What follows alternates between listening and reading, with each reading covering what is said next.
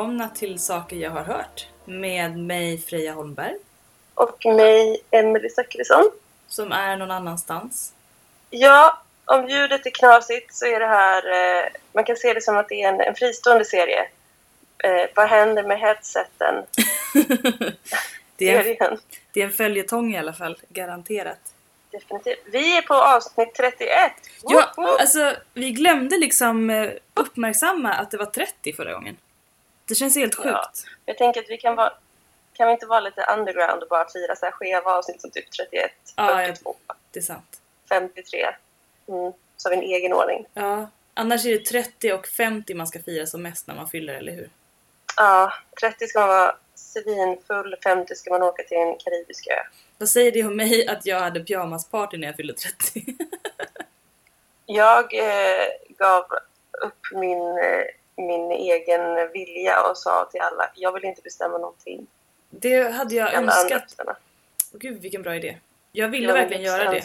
Men sen så var det som att mina vänner sa att de skulle det, men så gjorde de inte det. Men vi spelade ju Laserdoom. Ja, jag, jag tog saken i egna händer sen och bestämde. Och då blev det ganska bra. Ja, Vad fick du när du gav upp din vilja? Jag fick en, eh, på min själva födelsedag var du med. Då Mm. fick jag gå på restaurang och sen ville jag se något vackert. Ja. Det innebar att vi smög upp till Oskar Fredrik-kyrkan här i Göteborg. Drack skumpa ur Muminmuggar och i regnet och Det mörkret. minns jag. Det var februari. Det var skitväder. Det var faktiskt väldigt vackert ändå. Det var väldigt vackert. Det var väldigt vackert att vi var där. Och det sjuka är att det hände någonting väldigt vackert också. Kommer du ihåg när vi stod där och drack champagne och Mumimuggar? Att de började sjunga inne i kyrkan och det var jättevacker körsång. Just det! Ja, Det var ju vackert. Jag varit jätteglad. det var bra. det var bra. Ja, Eh, så firade vi inte vårt förra avsnitt. nej, då pratade vi om saker under jorden. Mm. Idag ska vi hålla oss ovanför jorden. Mm. Så till och med Och ovanpå fira huvudet. avsnitt 31. Vad sa du? Vi ska till och med håll- hålla oss eh, ofta ovanför huvudet. Mm. I huvud, i. Huvud... Eh, In höjd. the head area. Vi ska prata om hår. Och inte bara huvudhår, men kanske mest huvud och ansiktshår. Men lite Ja. kroppshår och hår överlag. Hår som är på och av kroppen kan man säga. Ja, exakt. Vart ska vi börja? Alltså, Eh, Jag gillar ju kronologi som den fake-historiker jag är. ja, men ska vi börja vid Egypten då? Ja, jag tänker att det blir mest logiskt så. Ja, Vi gillar ju våra, våran, den, är den, är det den antika Ja, världen det är eller den förantika världen? alltså egyptisk kultur har ju pågått i tusentals år, men jag menar den antika egyptiska kulturen pågick samtidigt som romarriket också. Till exempel Kleopatra förförde ju de romerska ledarna Ja. och sådär. Caesar. Men det var ju Och precis i slutet av Egyptens storhetstid. Ja. Oj, förlåt alla egyptier. Ja, förlåt oss. Ja. Vi har hört. Vi har hört. Men då, kan- då kan vi säga så här. Vi går tillbaka till antiken som vi brukar. Ja. Ja, fast egyptisk antik. Och då pratar vi Ja. om deras eh, peruker. Men också deras eh, syn på hår på huvudet. Och det här har ju såklart eh, Alltså de rika människorna. Nu är det deras historia som skrivs ner så vi vet inte hur det var med gemene man på landet. Men de som hade möjlighet och råd och eh, var upplärda nog i seder och bruk de skulle gärna raka sitt huvudhår. För man ansåg att det var smutsigt med hår på huvudet. Och vad hade Ja, man jag istället då? mig. Man hade man hade peruk. Dåliga timing vi har. Ja. Vad hade man istället? Man hade peruk. Ja. Och då var ju inte det gärna... Nu vet jag inte vad de här perukerna bestod av, men jag har för mig att det inte är hår. Utan att det är typ någon form av ull. Ingen aning. Jag ska inte, jag ska inte gissa. Lin kan det vara? Okej, jag gissar. Varför gissar jag? Jag vet inte. Det kan Jag också vara vanligt människohår. De, de var ju bra på att framställa saker. Ja, de var ju väldigt bra på allt. Eh, så här, papper och så. Så jag tänker att de kanske kunde bearbeta typ vass på något sätt. Eller? Jag vet inte. Men jag tänker att det var så himla varmt i perioder. eh, Antar jag. Det kanske var Varmare. jätteskönt. Jag, jag sätter Ja, inte mina pengar på det, men det är en bra tanke. Men i alla fall, då hade man Ja. ju peruk. Eh, så det kan ju vara lite motsägelsefullt att man ansåg att hår var smutsigt och att man skulle raka av sig håret för att vara ren. Men sen tar man på sig en peruk. Men det var i och för sig ganska smart för då kunde man tvätta den, förvara den på ett bra sätt, inte ha den på huvudet varje dag utan man kunde byta mellan olika peruker. Mhm, Mhm. precis. Ja. Lättare att hålla rent, tänker jag. Ja. Man Man, kan liksom ta av sig den på kvällen och sådär. Precis. Ja. Mm. Eh, det var väl det äldsta vi hade. Men det är ganska kul tycker jag för den här idén om hår som smutsigt har ju hängt kvar om man säger så.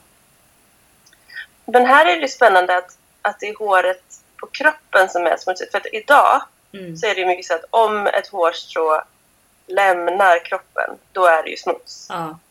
Så att om du har hår i maten så är det det fruktansvärdaste som kan hända. Mm. Men så länge det är kvar på din kropp, Ja. då är det typ värt att så här, tvätta in absurdum, smörja in med olika saker, lägga ner miljontals pengar på det liksom, under din livstid. Ja. Medan när det lämnar kroppen så är det bara skit. Liksom. Ja. Medan här är det ju mer så här håret bortanför kroppen. Som, som peruker eller kanske till och med att man köpte, för det kommer vi till sen. Mm. Men det här med att man köper andras hår ja. och sätter på det på kroppen. och att det då är finare än ens riktiga hår. Mm. Det är bättre liksom. Ja. Ditt, ditt hår är äckligt. Det, du ska ha någon annans hår. Mm. Det är bra. Det är väldigt spännande men jag tänker att det har ju ganska mycket med ja, men, ohyra och sånt som var vanligare förr kanske. Eh, Mm. I västvärlden. Nu pratar vi ju utifrån ett västerländskt perspektiv. Ja, Eh, det men är att... ju europeisk historia. Det, alltså utblicken mot Egypten är ju en, Ja. en, en, en liten del bara. Sen har ju Europa blivit inspirerad av Egypten och ja, allt. det där tycker jag är intressant om man räknar liksom egyptisk historia till europeisk historia. För indirekt är det ju verkligen så att de grekiska filosoferna Filosofisarna! inspirerades av egyptisk lära. Eh, så egentligen är det ju väldigt egyptisk eh, idékultur som vi lever i. Men med helt andra ord och språk för saker. Men skitsamma. Ja, jag, jag skulle vilja påstå att vår europeiska kultur är mycket influerad av den egyptiska. Bara att vi inte känner igen den för att den inte betecknas på samma sätt. Nej, och så tror jag att vi också såklart har så här förtäckt saker och ting. Att så här, Ja. ja. men det här är ju grekiskt. Och man bara, ja, fast nej. Nej. Att vi liksom har bara smetat över en jätteskön hinna av europeism.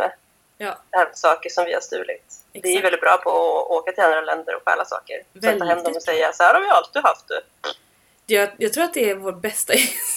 Det är Europernas bästa, Europernas, Europernas, Europernas bästa grej. europeisernas. Europeisernas och filosofisarnas bästa grej. Åker och stjäl, tar hem och bara den, så här har jag alltid, alltid gjort och tänkt. ja. Lyssna på mig vilken smart sak jag kom på. Ja, precis. Ja. Okej, tillbaka till håret. Jo, att eh, håret...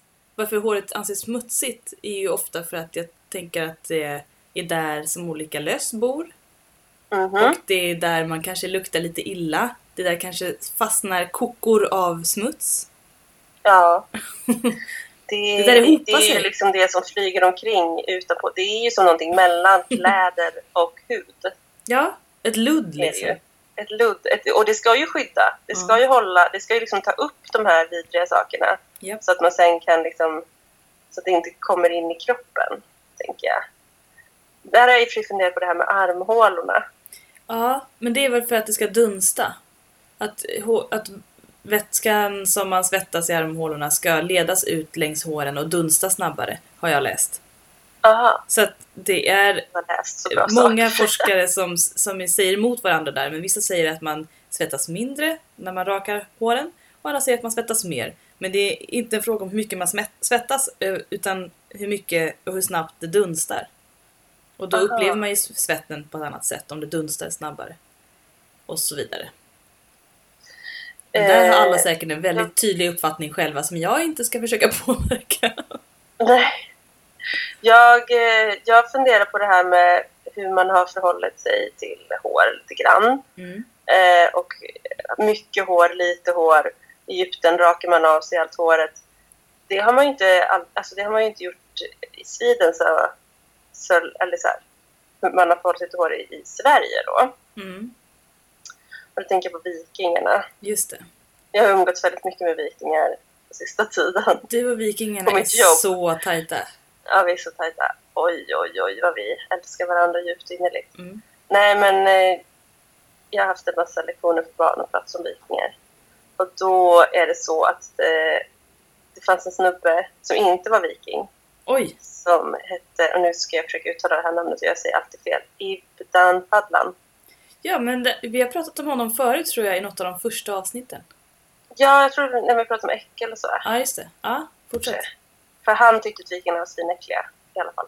Mm. I och med att de bara tvättade sig. Vi, vi tvättar oss ju bara på lögardagen, a.k.a. idag, lördag. Ja, lördag. Idag ska ni tvätta er. Kommer Idag tvättar man sig och allting som man vill ha tvättat. Och sen är det bra. Ja, en gång i veckan. Men det var i alla fall bättre än britterna som typ aldrig tvättade sig. Det är sant. Men Men å andra alltså, sidan var ju de britterna också vi, många britter vikingar på den här tiden eftersom att vi hade, Norden hade invaderat eh, Storbritannien. men det var väl den kristna kulturen som gjorde att folk inte tvättade sig. Eh, har jag förstått. För man inte skulle visa sig naken och man skulle inte ta på sin kropp. Och. Vikingarna jobbade nog mer så här att det- var inte nödvändigt. Det var bara jobbigt. Ja, precis. Man måste göra det, men inte så ofta. Ja, och sen så spara, för att också tror jag skillnaden mellan kristna och eh, vikingar var att de vikingarna, de sparade ju allt hår. Ja, Alltså man hade hår överallt. De var jättehåriga. De hade hår i ansiktet, de hade hår på huvudet och sen så kunde det till och med sticka ut lite hår mellan kläderna. Man visste, man visste inte vad som pågick där inne. Eh, och det, så var det ju inte i, ja men till exempel när de, de jag tror de var i Istanbul när de träffade Ib- Ibn Fadlan. Ja. Ibn. Eh, Ibdan att- Fatlan. Vad sa du? Säg det igen. Nej, jag vill inte. Det där, våra lyssnare kommer inte... De kommer ha hört min tolkning av det du sa. Ib, Ibdan Fadlan. Ja, Ibdan Fadlan. Ja, Vi- Jag, jag står fast vid det. det var väl ganska lätt. Ja, Ja, men jag har uttalat hans, hans förnamn på flera olika sätt. jag förstår. Eh, pinsamt. Skitsamma. Mm. Men i alla fall. Så, så var ju just det här med kammar har varit Ja! väldigt, väldigt viktigt. Och det roliga är att, alltså om man snackar, för att vikingatiden är ju en del av järnåldern och järnåldern är ganska lång. Mm. Men innan järnåldern så har vi en ganska varm period i Sweden, eller i Norden. Och då är det bronsålder och då är ett av de absolut vanligaste fynden att man, som man hittar i gravar är en rakkniv. Aha! Det är rakknivar överallt. Det visste inte jag. Alla, nej, alla begravs typ med rakkniv. Jag visste att An- kammar var vanliga men inte rakknivar. Alltså, Kammar blir vanligare under järnåldern. Aha! Så att Ja, det säger ju en del. Vad sa du? Det säger ju en del.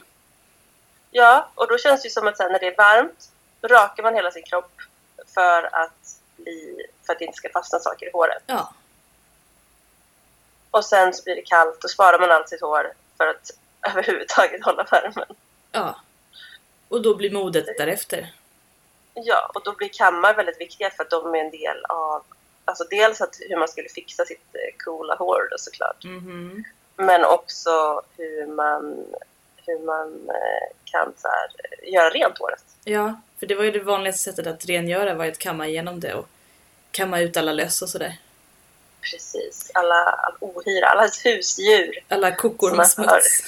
Alla kockor. Var kommer de här kockorna ifrån? det är för att jag har haft långt hår i hela min uppväxt. Och jag vet att om man leker utomhus med långt blont hår ner till rumpan och inte sätter upp det, då hamnar det kokor och smuts i håret. Men fick du inte det i ansiktet och Jo, munnen? jag var ju jättesmutsig överallt. Jag var ju den som... Alltså jag var ju Tarzan. Jag på riktigt Ja, jag jag kastade mig från gren till gren. Eh, och sådär. så det var ju en väldigt dålig idé för mig att ha långt hår. Och det där att det var blont, det har ju ingenting med saken att göra. Det hade ju varit lika smutsigt om det var mörkt, men det syntes mer när det var blont. Det är sant. Så att jag hade ju, jag kallades ibland för byxlort. för att jag alltid hade smutsiga byxor. För att jag alltid höll på att hasa ner på olika berg och hålla på. Men de borde kallat mig för hårlort. För det var mer rimligt. Jag kom alltid in med löv på svenska lektionen i håret. Och när det var snö så kom jag in med isbitar i luggen och sådär. Första naturbadet. Ja, men fatta då vikingarna.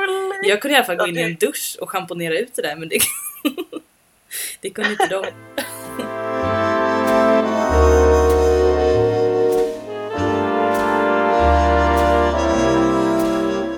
Ja, Men hår har ju uppenbarligen varit viktigt på olika sätt. Vare Mm. sig man ska ha det eller inte.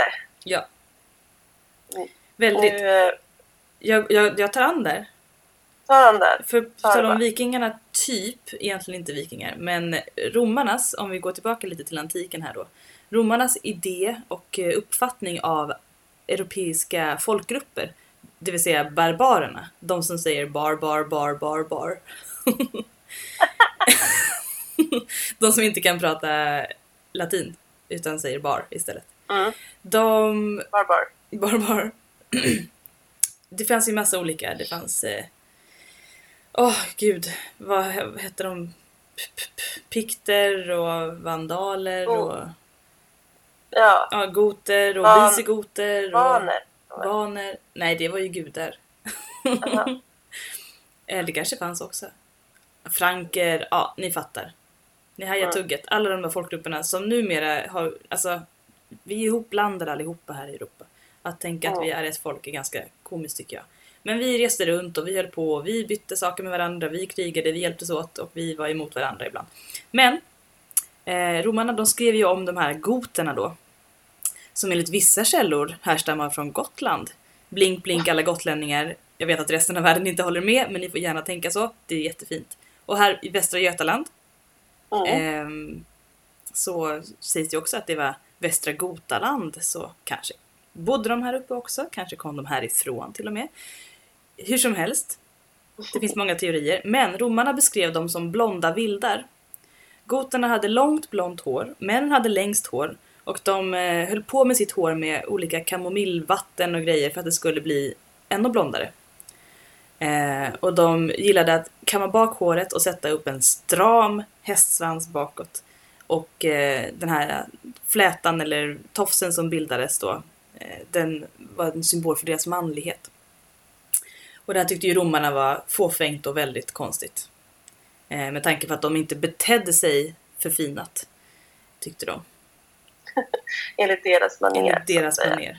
Ja. Men eh, det är kul tycker jag. Att eh, det här med att bleka håret. Det var också väldigt populärt i Venedig. Nu går vi fram i tiden här till 1500-talet tänkte jag. Woop, woop. Ehm, jag läste, det var också någon reseskildring, nu vet jag inte vem det var som skrev den, men en man som kom till Venedig på 1500-talet, jag tror han kom från en annan italiensk stad. Eller Italien fanns ju inte då, jag ber om ursäkt, men eh, i alla fall samma region. Men han kom till Venedig och så lade han märke till att det fanns en trend bland kvinnorna där och det var att blondera eller bleka håret. Och det kan ju vara ganska svårt att bleka håret om man inte har typ, jag menar om man har svart eller brunt, liksom tjockt hår med mycket pigment i från början. Det är ganska svårt att bleka håret då om man inte har våra starka kemikalier som vi har idag. Så de hade väldigt intrikata eh, metoder. De rika damerna, som bodde då i olika palats, de hade ofta en takterrass högst upp. Och på den här takterrassen på sina palats så byggde de ett litet skjul. Ett eh, litet hus kan man säga. Eh, ett rum. Och det här huset hade inget tak, det var liksom öppet. Och där satt de hela dagarna när solen sken och hade en viss solhatt på sig som var liksom bara som en rund platta med ett hål i. Och genom det här Mm. hålet så drog man upp allt hår och så la man ut det på hatten som att det liksom låg utlagt på tork. Som en solfjäder Som en liksom. solfjäder, ja. Eh, fast liksom den var helt rund och så bara ett hål och allt hår gick upp. Och gässan var ju blottad då också såklart. Aj. så himla rolig bild jag får i huvudet av alla de här kvinnorna som sitter med den här enorma liksom, cirkeln på huvudet med håret utbrett åt alla håll. Och så bara sitter de där. Det är att man om hade man kunde- radio eller något. Vad sa Tänk att man kunde flyga över dem. Ja, fan vad fint det hade varit. Massa, massa så här mellanblont hår överallt. Ja. Stora ru- cirklar. Liksom. Jag hoppas Men- de i alla fall ibland träffades och gjorde det här tillsammans. Det låter så himla tråkigt. Jo, men det tänker jag att de så här hade liksom eh, stände möte och bara du kan ta med din hatt till mig. Ja, Kan vi sitta på vårt tak. Men i Venedig var det ju viktigt. Där, alltså, det var ju en tid då kvinnor verkligen var... Man låste in sina kvinnor. Och så ja, fanns det typ ett gäng som var prostitutes. Alltså de hade ju mycket prostitution. Det hade de ju överallt på 1500-talet. Men så de kvinnorna som rörde sig fritt var... det vill- prostituerade Ja. var fritt inom ja, ramen av vad som var fritt då. Mm. Eh, Men Venedig var ju väldigt känt för sina alltså det hora madonna-konceptet var ju väldigt, väldigt ja. stort. Liksom. Och då kan man Väldigt. tänka sig att de här fina damerna ville ju utmärka sig och skilja sig från mängden av kvinnor som gick på gatan då. Kanske. Exakt, exakt. Så de var väl antagligen extremt ljusa i hyn misstänker jag. Ja, just det. de som gick i... Alltså Jag- där att man också skulle ha den här stora hatten. Precis. Inte bara sitta och gassa i allmänhet. Nej, det var ju bara håret som skulle få sol. Du skulle in, fortfarande vara blek i huden. Så det är ganska Mm. svår. Det är svårt eh, att liksom lyckas solbleka håret och inte solbränna kroppen, tycker jag. Ja, men det är en del av grejen att det ska Men det- vara ja. svårt. Jag tror det. Proffsigt alltså. Att man ska liksom inte...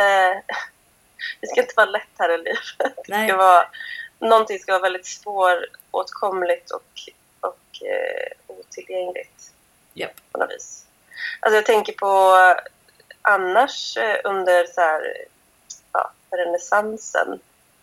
Eh, tänker på så här katolska präster som har rakad skalp.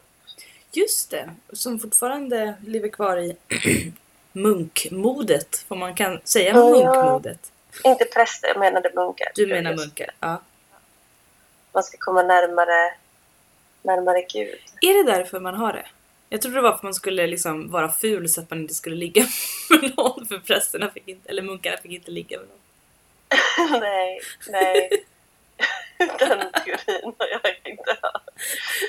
Gud vilken ful frisyr du har. Vilken tur att du är så ful, du får ändå inte ligga med någon. Gud vad taskigt. Gud det här är verkligen så här Frejas uppfattning från när hon var fem som hänger kvar oifrågasatt. Nej, utan det är ju som jag har hört det. Det här är en riktig Emily har hört. Ja.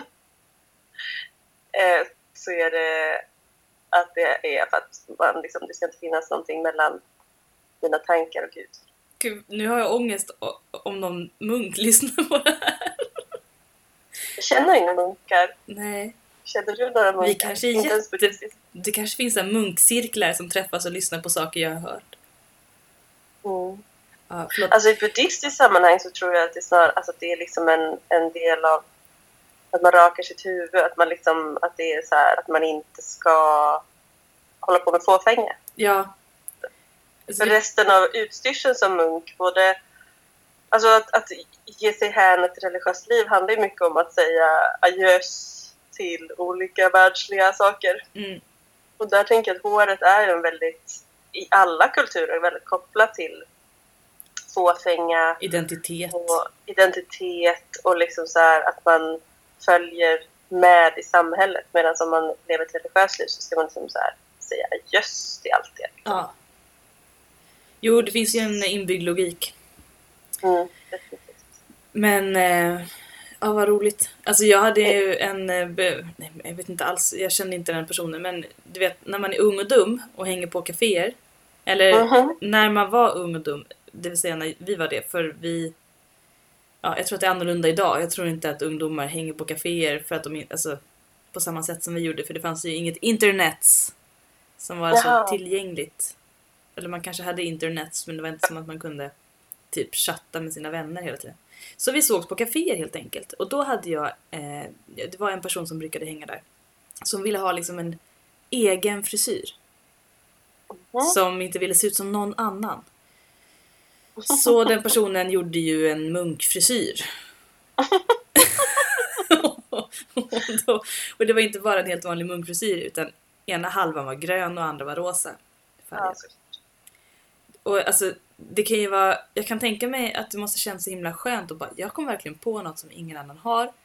Men sen sån himla downer när man inser att det inte gav den effekten som man hade önskat. Men rakade personen sin skalp då Japp. ordentligt? Ordentligt. Tänk att om munkarna hade kommit till Nordamerika... Nej, jag stoppar där. Okej, vi går inte in på det. Jag tänkte på det här med skalpering. Att en del av det går ju ut på att man verkligen håller i håret när man blir skalperad. Man kan skära skalpen. Men det är så himla svårt att göra det på en munk. gud vad svårt att skalpera en munk ja. Då får man liksom ta bort hela... Får man, får man liksom skapa en speciell munkskalperingstång. Man får skalpera från ögonbrynen liksom. Aj. Okej, vi slutar där. Förlåt alla lyssnare. Apropå, eh, jag vet inte, att hår, hår har ju ofta varit på, påkostat tänker jag. Mm. Eh, ska vi inte prata lite om, eh, om pengar och hår? Jo, det tycker jag vi ska. Jag tänker lämna över bollen till dig. Ja. Jag tänker Peter den första. Ja. nämnde. Peter Ja. den första, det var väl Peter den första? En Peter i Ryssland i alla fall. Tsaren i Ryssland. Peter den första tror jag det var. Peter! Eh, Petr. Eh, han, eh, eller Piotr kanske man ska säga, jag vet inte. Kanske vi ska sluta härma ryska. ja, det- det är ingen idé. Nej. Men Peter, vi säger Peter. Putte, Putte var i Europa. Han reste runt, träffade massa olika europeiska hov och tänkte fan vad bra de har det här. Vilka coola kläder de har, de läser balla böcker, de är inte lika donderade av religion som vi är hemma i Ryssland. De har en lite friare syn på saker, det verkar roligare här, tänkte han. Så han kom tillbaka till Ryssland och tänkte nu ska vi uppdatera Ryssland 2.0 coming up. Så han, han sa till alla, nu ska ni raka av ert skägg. Vi ska bli moderna i Ryssland och det moderna är att inte ha ett långt skägg. Och det här var väldigt impopulärt för man ansåg att, eh, nu vet jag inte exakt uppfattningen men jag har förstått det som att det var väldigt eh, viktigt religiöst att för män som kunde odla ett skägg skulle odla ett skägg. Det var liksom ett sätt att visa sin gudfruktighet på något sätt. Men det första han gjorde var att tvångsraka men, huvudprästen. Alltså när jag tänker på eh, hur det liksom ortodoxa eh, grekiska och ryska präster, alltså grekisk ortodoxa, för de är ju Ja. ortodoxa i Ryssland, Ja, så har de ju svinlånga skägg, Ja. som så här långa strutskägg så här. och det är liksom en tanke bakom det. Det är väldigt, Mm. väldigt eh, etablerat. Eh, så när han liksom bjuder upp till fest och plötsligt tar upp biskopen och med egen hand rakar av honom skägget. Då blir det ju kalabalik. Eh, och eh, folk blir jätterädda. Och det var många som vägrade. Och han insåg att eh, det skulle bli väldigt svårt det här. Men han ville ändå över tid få människor att raka av sig skägget. Så han införde en skäggskatt. Han sa att alla som Alltså, bor i städerna måste raka av sig skägget. De som bor utanför städerna, de kan få behålla skägget, men de måste betala en skäggskatt. Och när de besöker staden så måste de också betala extra skatt, eller tull, för sitt skägg när de går in i staden. Det blir ju som en mansskatt. Ja, det blev liksom en mansskatt. Men också kanske en manlig fåfängeskatt. Mm. Eller manlig eh, tro...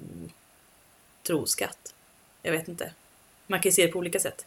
För det är Ja. många som då enligt den äldre ortodoxa tron liksom... Ja, han ville också bli av med den gamla uppfattningen. Ja. Han ville förnya kyrkan också. Så han ville ju liksom bli av med hela det paketet, om man säger. Eh, Så det var ju ett sätt att eh, förändra kyrkan långsamt också. Men det var ju inte helt lätt va? Men de som betalade den här skäggskatten i alla fall, de fick ett litet mynt. Och det finns bilder på det eh, om ni vill, om ni är flitiga och googlar på internet, kära Mm. lyssnare, så kan ni få upp en bild på ett litet, en medaljong, ett litet mynt med ett skägg på eller en mustasch och ett litet eh, bockskägg. och så står det på ryska, men det står typ eh, betalningen är gjord eller något sånt där. Det kan vara så att om jag känner mig extra flitig att jag lägger upp detta på Instagram. Ja, Om jag inte drabbas av total eh, apati. Jag och Instagram har inte varit bästisar direkt. Men vi kan väl se relation som en relation som finns när båda känner för det. Och annars är det lugnt. Ja, ja, ja. Ja.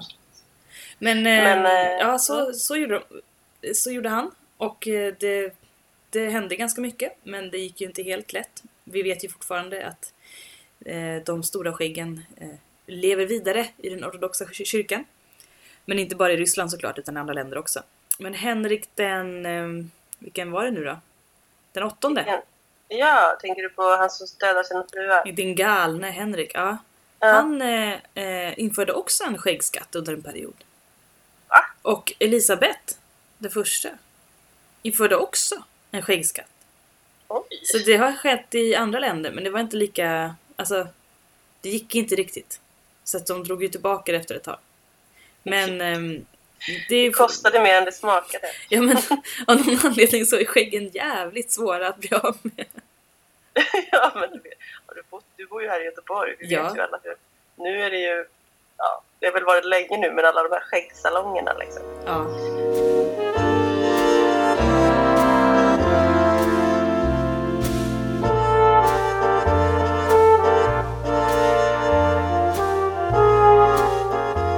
Tag så var det ju barberare och eh, eh, det som kallas för badskärare, det vill säga kirurger, samma personer. Just det, det är lite obehagligt med tanke på att de rakar ens hals. Ja, men det var mycket att man hade liknande instrument och jobbade i fält. Just Det Under, under de stora krigen under ja, men sent 1500, 1600 och början av 1700. Så Just det runt en massa barberare och tog ut en tarm, rakade en kind. Bra med kniven helt enkelt. Ja, man, man, det, känns, det låter inte lika fräscht då med så här, "Åh, jag ska gå till barberare. Man bara, jaha. Ska du tömma den där bölden eller ska du snitsa till det där skägget? Man vet inte. Det borde bara heta skärare. Ja, man skär av lite grejer. Ja. Så jävla uh, obehagligt. Men på tal om den perioden, du hade något om peruker där. Jag har mycket tankar om peruker. Mm. Dels så har jag jag liksom har lite filosofi i mitt huvud kring, kring eh, barocken och så här 1600-talet. Om hur, så här, hur mycket man älskade romarriket men också hur mycket man älskade de här svallande bruna lockarna. Mm. För det här var ju en tid då man så här, då lägre, lä, ekonomiskt lägre stående kvinnor, alltså lägre ner i den ekonomiska skalan, typ inte hade något hår. Det här är ju en tid då vi täcker våra huvuden såklart. Ja. Eh, så det, det syntes ju knappt. Att man typ snurrade in, alltså under 1600-talet så finns det jättelustiga bilder på kvinnor som verkligen snurrade in sina huvuden i typ vita supertajta dukar. Så. Mm. Så att om man hade sålt sitt hår så, så syntes liksom inte det. Men det fanns typ inga kvinnor med hår. Utan allt hår bars runt på en massa rika adelsmän. De köpte liksom kvinnornas avklippta hår. Ja, och ett tag var det brist. Det finns ett, i Göteborgs källor så är det så här, det är brist på hår. så man måste typ åka ut, på, ut, i landet, liksom ut på byarna och så rejda efter hår. För att man ska så här, täcka de här rich bitches, eh, gubbarnas behov av att ha de här svallande psykoperukerna liksom. Varför var det här håret så viktigt då? Nej men man, var, man tvättade sig inte. Det Nej, gjorde man in, inte på 1600-talet. Nej man skulle Ja, inte tvätta sig. Det var liksom farligt. Det var förenat med livsfara. Mm. Det kunde ju läcka in vatten i kroppen och så drunknade man inifrån. Ja, Eller så kunde man smälta. just det. Det är två, två starka teorier. Nej men eh, det var ju också brist på rent vatten och vatten var för, förenat med, med något farligt. Eftersom man hade sett att människor drack vatten så blev de sjuka och dog. Mm. PGA, det var en massa skit i vattnet. Och Man slängde ju inga- sitt avfall i vattnet. Ja, man slängde ju allt i vattnet. Man dränkte katter. Man, ja, du vet. Ja. Eh, så att vatten var ju, åtminstone i städerna, för det var ju på, i städerna, det fanns ju ingen mening att strutta runt i en peruk på landet. Liksom. Nej. Men i städerna så var ju vattnet väldigt, väldigt giftigt och smutsigt och Mm. dåligt. Eh, så under 1600-talet så ökade ju det här eh, perukmodet något enormt. För att det var liksom renare med peruk än sitt vanliga hår då. Ja, Lite egyptierna igen där. ja men man lyfte ju upp Egypten slash... Men för det jag funderar på är om man gjorde något liknande i Rom. Alltså under romarriket. Jag vet att lockarna var ju populära under 1600-talet för att de var antikiserande så att säga. Alltså på romerska skulpturer så var det ju ofta lockigt hår och då skulle man härma det. Ja. Men jag funderar på så här hur långt... Alltså för att man skulle ju ha massivt med hår. Man, Ja. det, det räckte ju inte med en kvinnas hår till en peruk utan man skulle ju liksom... De kunde ju vara helt så här prunkande och så här crazy. Men då var de ju i alla fall utsläppta. Ja. ja, det här var ju liksom långt utsläppt lockigt hår skulle det vara. Precis. Men, Och då... va? Nej, kör du. Nej men eh, det var ju också en symbol då för den inre manligheten. Alltså Ja. man hade ju en idé om att eh, det yttre och det inre hörde ihop. Att så som man var inombords, det skulle synas utanpå. Och det blev då ett, eh, ja, ett bra eh, kvitto på att man Mm. var kraftfull. Så hade man långt, lockigt, eh, liksom tjockt, mörkt hår, då var man maskulin. Man var mustig, man var stark, man var kraftfull och vital. Potent. Potent och ja. vital. Mm. Fruktbar inombords. Och Ja. har man äh, istället tunt eller kort hår som man, eller då var man en vekling. Så det var ju förenat med eh, viktig eh, symbolik där. Precis. Och sen under 1700-talet så kommer ju det här... eh, För jag tänker att under 1600-talet så dog ju människor så jävla mycket. Alltså både under 1500 och 1600-talet. Mm. Eh, så dog ju människor som flugor. Man blev, fanns typ inga gamla människor, tänker jag. Nej. Eh, för jag funderar på det här vita håret som sen kommer in. Som en eh, kallfront. Ja, precis. Ho. Sen är, ska man ju inte glömma Ludvig, Solkungen. Den 14 kanske? Who knows? Jag vet inte. Louis. Eh, han, så, eh, apropå det här med skatt och system och så, han gjorde det ju olagligt att vara out of fashion. Är det sant? Ja, alltså hans hov, han, det var ju sätt för honom att kontrollera den jättestarka adeln i, i Frankrike. Att han så här, tvingade alla att lägga ner jätte, jätte, jättemycket tid på att ägna sig åt mode istället för att konspirera med varandra mot Mm. honom. Det var jävligt Men smart. jag, jag tänker att det franska hovet är som en superavancerad version av Paradise Hotel. Oh! Att så här, alla är ganska packade, man är inlåsta i en jättekonstig byggnad. Det finns en massa mystiska regler som byts hela tiden från Ja. vecka till vecka. Folk åker in, sen kommer de tillbaka, man vet inte varför. Eh, man har olika parceremonier där man ska stå och prata med varandra om random shit. Mm. Man har ingen aning vad som händer. Helt plötsligt är allting bara slut och sen börjar säsongen om. Det är verkligen sant. Men det Ja. värsta är att föreställ dig liksom att Paradise Hotel, hotellmedlemmarna styrde landet samtidigt. det är Allt det, som som pågår pågick. i det här jätteobehagliga huset fullt av alkohol har liksom massiv impact på vad som händer ute i landet. Man fattar ju att det blir den franska revolutionen. Ja, fall också. Enda sättet att få slut på det här jävla programmet är att hugga huvudet av allihopa. Vi måste få slut på det här. Utifrån det perspektivet så känns den franska revolutionen helt rimlig. Tänk om Paradise Hotel bara satte ribban för allt som pågick i ett land. Gud vad roligt. Ja, i alla fall. så, så blev ju perukerna, för det franska, det franska kommer ju in, det är ju starkare och starkare och så kommer det in som en, som en härlig varm dimma över Europa. Just det. Under 1700-talet så är det ju oh la la. Oh la la. Och de, Och då Mm. Blir ju folk också äldre, tänk, eller så här, det blir kanske coolt att vara gammal. ja, Och det där, man ska vara, ha- vara vithårig. det var ju upplysningsperiod va? Man skulle vara smart, man skulle vara vetande, man skulle vara lärd. Och Ja. eh, ju äldre man var, desto större risk var det att man hade lärt något i livet. Så att, eh, eller chans kanske man ska säga. Så att det blev ju hög status att veta och det grå håret blev en symbol då för kunskap. Det är ju den största skillnaden då. Från Paradise Hotel. Ja. Det är cool, var dum i huvudet. Det är sant. Men det kanske är lite mer 1600-talet då, då man liksom inte skulle veta något. Man skulle säga så här, enhörningshorn, ja det är bra mot cancer. Det är. När man bara strösslar ner det här pulvret i te och så dricker man det så blir det bra. Absolut. Och sen kommer 1700-talet som bara, no, Mm. styr upp. Ja, Ja, eh, i alla fall så kommer det en präst. det kom en präst. Det kom en präst, eh, Jesper Svedberg. I början av sin karriär när han var novis inom Mm. prästyrket så var han ovetande och dum och fåfäng. Alltså som vem något- som helst. Ah, som vem som helst, fast präst. Mm. Eh, och sen så träffade han en biskop. som, och han hade liksom klätt upp sig och gjort sig fin och snofsat till sig, hade sidenband i håret och gud vet vad. Eh, och sen kommer den här biskopen och bara, vad gör du? Du är dum i huvudet. Så här kan du inte se ut, ditt Mhm. as. Ja. Och så får han en, stackars Jonas eh, dör inombords. Mm. Här han eh, fixat till sig. Han inser att han har liksom ägnat sig åt en dödssynd. Ja, han har ägnat sig åt en dödssynd. Och det ägnar sig hela folket åt, Ja. inser han.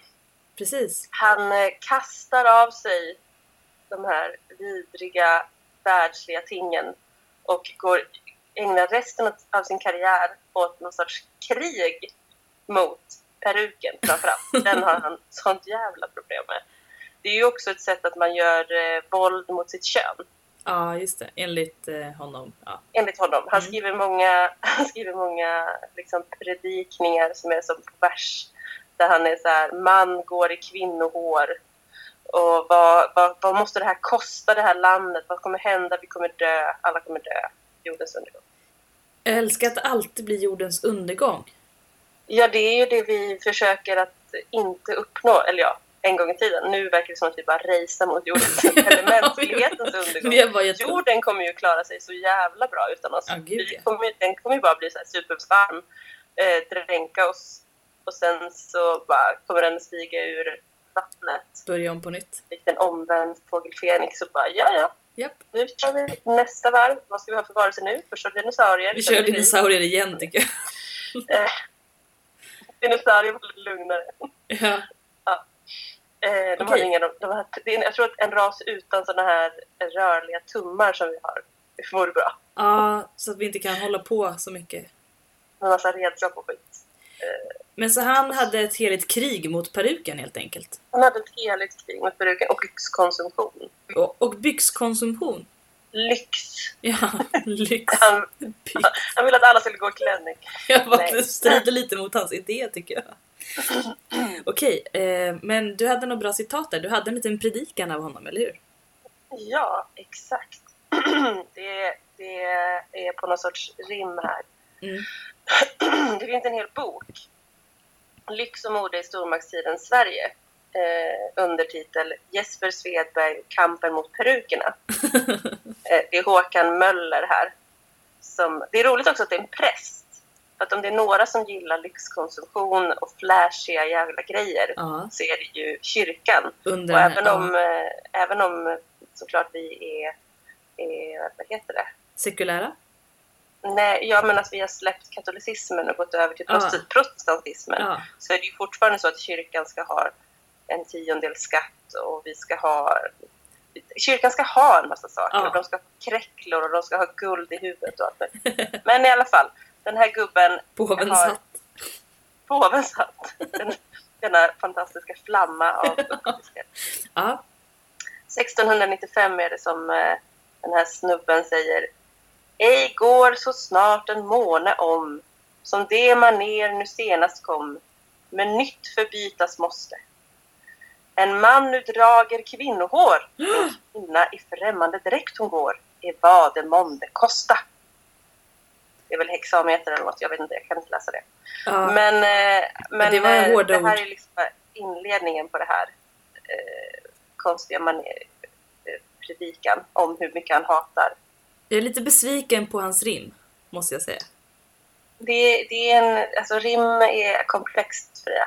Har du läst Shakespeare? Har du försökt läsa Shakespeares fuck- motherfucking sonater? Jag ska försöka göra det på ursprungsgammel engelska så kommer säkert rimmen vara mycket bättre tror jag, än i översättning. You do that, säger Ja. jag bara. Det så kul. Tack. Det finns olika typer av rim. Det är inte alltid... Det handlar om takt Ja, Jag- ton. jag förstår. jag ska lära mig allt. Du kan också kan. läsa Homeros. Ja. Han har också rimmat på ett väldigt oskönt sätt. Men kan man inte bara kalla det för rytm istället för rim då? Det är det det är. Rytm Ja. är något helt annat än rim. Okej, det här får jag kriga med någon annan. Jag kan ringa till Svenska Akademin och snacka om det här känner jag. Ring till Svenska Akademin. De har, har Hotline. mellan åtta och tre, tre dagar. Speciellt nu när de har utsett en, en ny eh, litteraturpristagare. Så har de ju fullt med tid över till mig.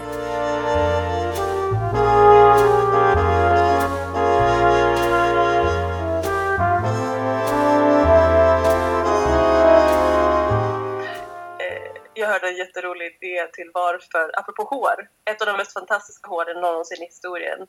Det är ju, nej vad heter hon, poeten med det stora orangea håret. Som hänger i Svenska Akademin. Ja, Kristina Lugn. Kristina Lugn. Tack Mm. gud. Ja, Eh, Det är ju ett av de mest fantastiska håren någonsin i svensk ja historia. det är det verkligen. Eh, Eller i svensk, Sveriges land. Där ser man en inre svensk. kraft genom håret. Och då hörde jag att en av dem, det var en annan podd som heter Lilla Drevet som, eh, som pratade om vad fan, varför finns Svenska Akademin? Vad är det som pågår? Mm. Eh, och då så tyckte de att en av de rimligaste anledningarna att den ska finnas kvar är för att Kristina Lund måste ha några att umgås med. Alltså det är ändå ganska jag. sant. För det finns Ja. ingen sorgligare, det finns ingen jobbigare tanken att tänka sig henne ensam i en soffa med sitt hår och liksom inte ha någon att dikta med och prata litteratur och känna med. Tänk! Ja, tänk. Jag tänker att ändå att det är värt att vi har Svenska Akademin så att någon kan umgås med Kristina Lund. Ja, Ge henne ett intellektuellt sammanhang. stimulans. Jag menar, hon ju- jag tror att hon har ganska liksom hög ribba vad gäller att, att lyckas stimulera henne. För hon är så jävla smart. Ja, jag undrar vad hon pratar med sina barnbarn om. Ja, hoppas de blir lika smarta som Svenska Akademin nu utger sig för att vara. Ja. Men back to the hår. Back to the hår. Sista grejen. Uh, han drev- bedrev ju någon sorts uh, Sved, Svedberg.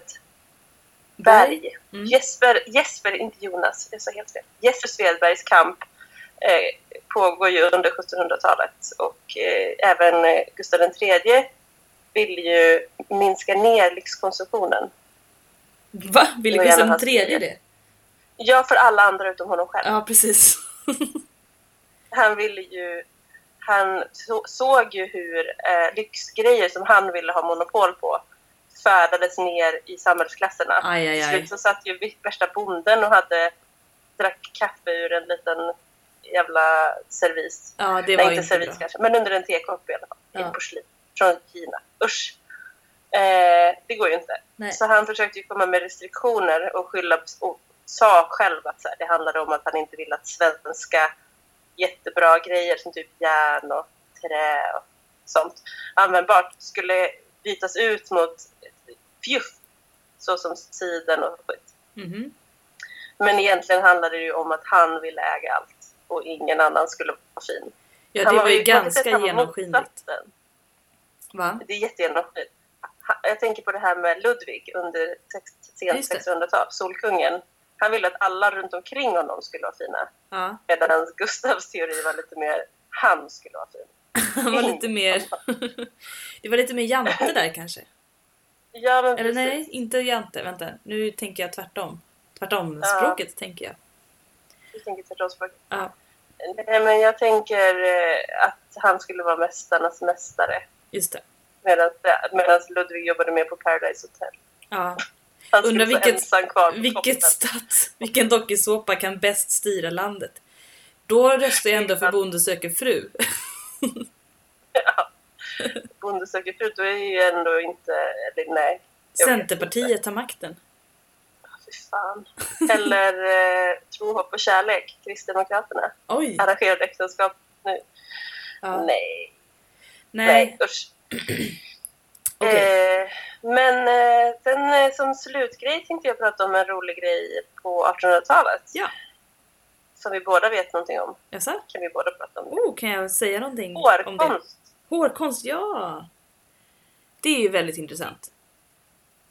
Ja, det Eh, här med hårtavlorna. Precis, och då är det alltså att man tar en lock av någons hår, eller ganska mycket hår. Så böjer man det i små snitsiga, snirkliga banor om man säger.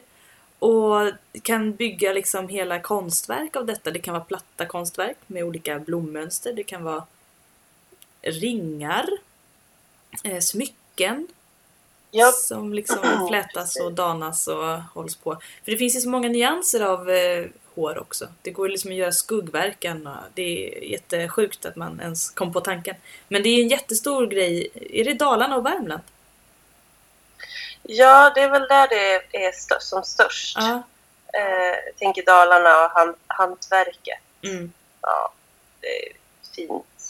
Nu sitter säkert någon i Dalarna är Sveg också- och blir jättearg på oss för där var det visst jätte... Okej. Hel... Vi säger att i Sverige så har det varit populärt. Ja. Mm. Men jag tror även i Storbritannien att så här, det här är något som vi... I och med att 1800-talet så har vi ju mer och mer med Storbritannien att göra. Mm. Sant. Vi har en massa eh, import, export, you know. Yeah, international business going on. Yes. Yes. Ja. Eh, det Varför finns gjorde en hårtavla. Ja. Vad sa du? Nej, fortsätt. Du kommer svara på min fråga. Ja, varför man gjorde det här. Ja. Eh, en del, eller så här, jag tror att det här var, handlade om att man skulle liksom ära dem vars hår man använde av på olika sätt. Mm. Minnet av Att dem. man liksom, minnet av dem, exakt. Och hår har ju varit väldigt laddat, som vi har pratat om. Mm. Men det är kul att det helt plötsligt blir så, så extremt oäckligt under 1800-talet. Ja, För att det blir en vi- fin sak. Mm.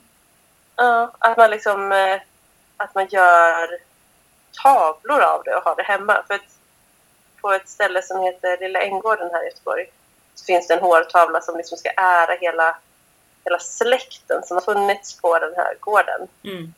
Och då har de liksom samlat in hår och så har de liksom broderat ett litet landskap typ. Och idag när man visar den så blir ju folk så här Åh, vad äckligt! För att vi är ju, i nutid så är det ju verkligen så här allt som lämnar kroppen skola brännas helst upp Mm. far, far away liksom. Mm. Medans, eh, men den här tavlan är, var ju på sin tid verkligen ett så här, åh, underbara släkten och minns du faster Agda? Ja, hon är här uppe i molnet. Typ. Mm. Men alltså, eh, det är, det, det är också eh, någonting väldigt dyrbart man hade för att man hade liksom folk på landet. Det här var ju liksom det finaste som en bonnafamilj kunde ha på något sätt. Mm. Man hade inte råd att köpa silver eller guld. Eh, det var svårt att liksom eh, ja, men, det var svårt att få tag på fina råvaror och då var ju håret någonting väldigt beständigt, starkt. Någonting som var lite guldaktigt ibland eller hade glans. Och eh, mm. men jag menar, det fanns liksom en, ett skimmer i håret oavsett färg som var väldigt Mm. lockande. Och just det här minnet.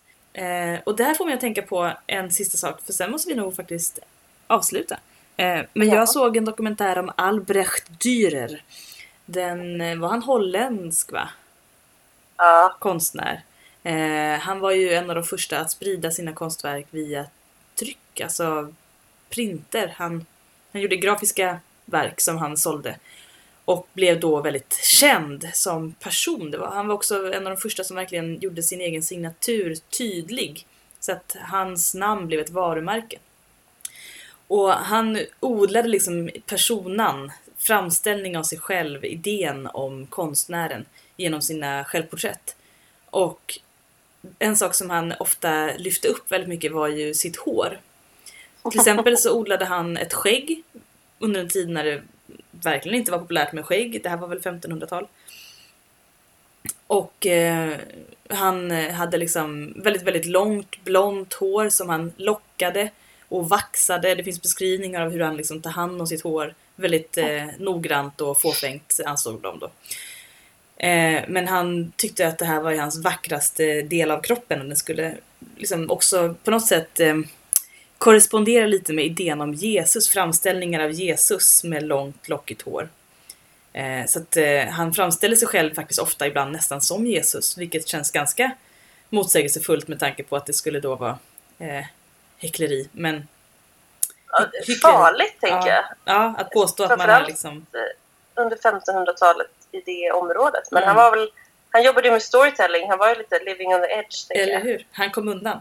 Men det finns i alla fall en sak kvar av honom och det är just en lock av hans hår. Mm. Som han gav till sin eh, lärjunge, alltså sin eh, elev, en annan konstnär.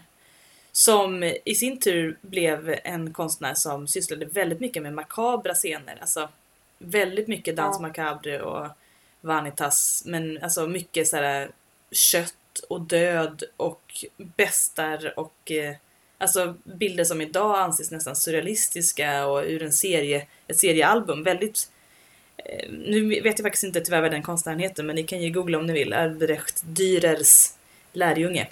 Men så det passade ju väldigt bra att den här lite makabra lärjungen också fick en lock av sin mästares hår. Ja. Fint? Tänk om eh, van Gogh hade nöjt sig med att skicka lite hår. Då hade Sin- konsthistorien sett väldigt annorlunda ut. Han hade suttit och hållit sig över håret istället för sina...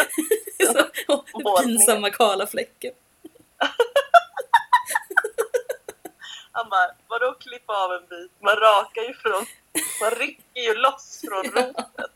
Samlar en liten bukett. Han hade gjort lite hårkonst och skickat till den här kvinnan.